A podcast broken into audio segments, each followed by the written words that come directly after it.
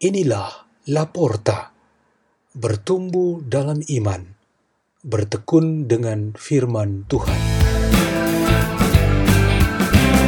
Dibawakan oleh Andrea Sole dan Paulina Lipat dari Gereja Santo Antonius Padua, Paroki Kalikasa, Keuskupan Larantuka.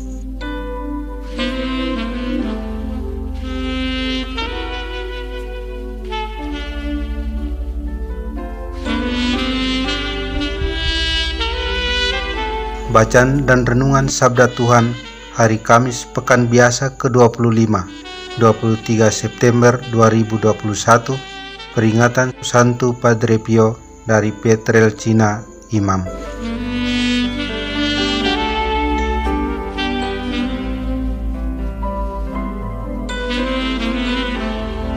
Pembacaan dari Nubuat Hagai bab 1 ayat 1 sampai 8 pada tahun kedua pemerintahan Raja Darius, pada hari pertama bulan keenam, datanglah sabda Tuhan dengan perantaraan Nabi Hagai kepada Serubabel bin Sealtil, Bupati Yehuda, dan kepada Yosua bin Yosadak, Imam Besar, bunyinya.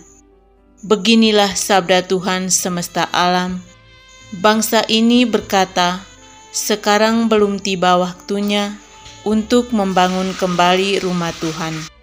Maka datanglah sabda Tuhan dengan perantaraan Nabi Hagai, bunyinya, Apakah sudah tiba waktunya bagi kalian untuk mendiami rumah-rumahmu yang dipapani dengan baik, sedang rumah Tuhan tetap menjadi reruntuhan? Oleh sebab itu, beginilah sabda Tuhan semesta alam, perhatikanlah keadaanmu kalian menabur banyak, tetapi membawa pulang hasil sedikit. Kalian makan, tetapi tidak sampai kenyang.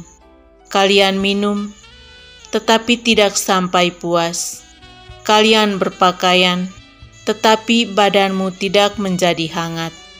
Dan orang yang bekerja untuk upah, ia bekerja, tetapi upahnya ditaruh dalam pundi-pundi yang berlubang. Beginilah sabda Tuhan semesta alam. Perhatikanlah keadaanmu. Maka naiklah ke gunung, bawalah kayu, dan bangunlah rumah Tuhan.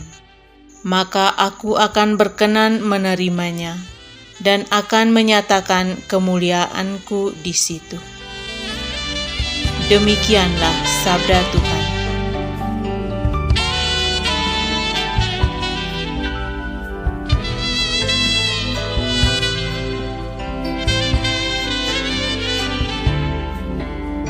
Tema renungan kita pada hari ini ialah keresahan supaya cepat berlalu. Resah merupakan suatu keadaan jiwa yang mirip situasinya dengan gelisah, cemas, dan khawatir. Keadaan jiwa ini tidak positif, lawan dari bersemangat, optimis, senang, dan ceria. Sebagai manusia yang bertumbuh sehat jiwa dan raga, kita ingin supaya keresahan dalam kehidupan kita pribadi dan bersama dapat cepat berlalu pergi. Keresahan meliputi diri Nabi Hagai dan bangsa Israel saat Allah mendatangkan perasaan itu kepada mereka supaya menyadari bahwa rumah Tuhan belum dibangun dan masih sebagai reruntuhan sementara umatnya sudah mendiami tempat tinggal yang mapan. Ia lalu membuat hati mereka resah dan gelisah. Herodes juga resah karena tahu bahwa kejahatannya membuat Yohanes Pembaptis mati. Ia berpikir akan menjadi masalah lebih parah jika Yohanes Pembaptis itu kembali. Ia mengira bahwa Yesus dari Nazaret itu ialah Yohanes Pembaptis yang bangkit. Dua contoh keresahan ini bersumber pada satu kelemahan, yaitu kesalahan atau dosa kita sendiri.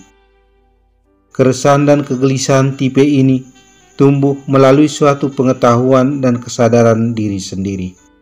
Orang mengetahui sendiri kelemahan dan dosanya, atau karena dibantu oleh terang ilahi, seseorang menyesali dirinya yang berdosa dan terbuka jalan baginya untuk pertobatan.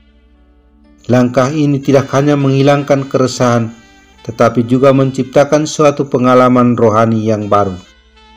Rumah Allah akan dibangun, dan Herodes kiranya dapat melihat Yesus yang sebenarnya.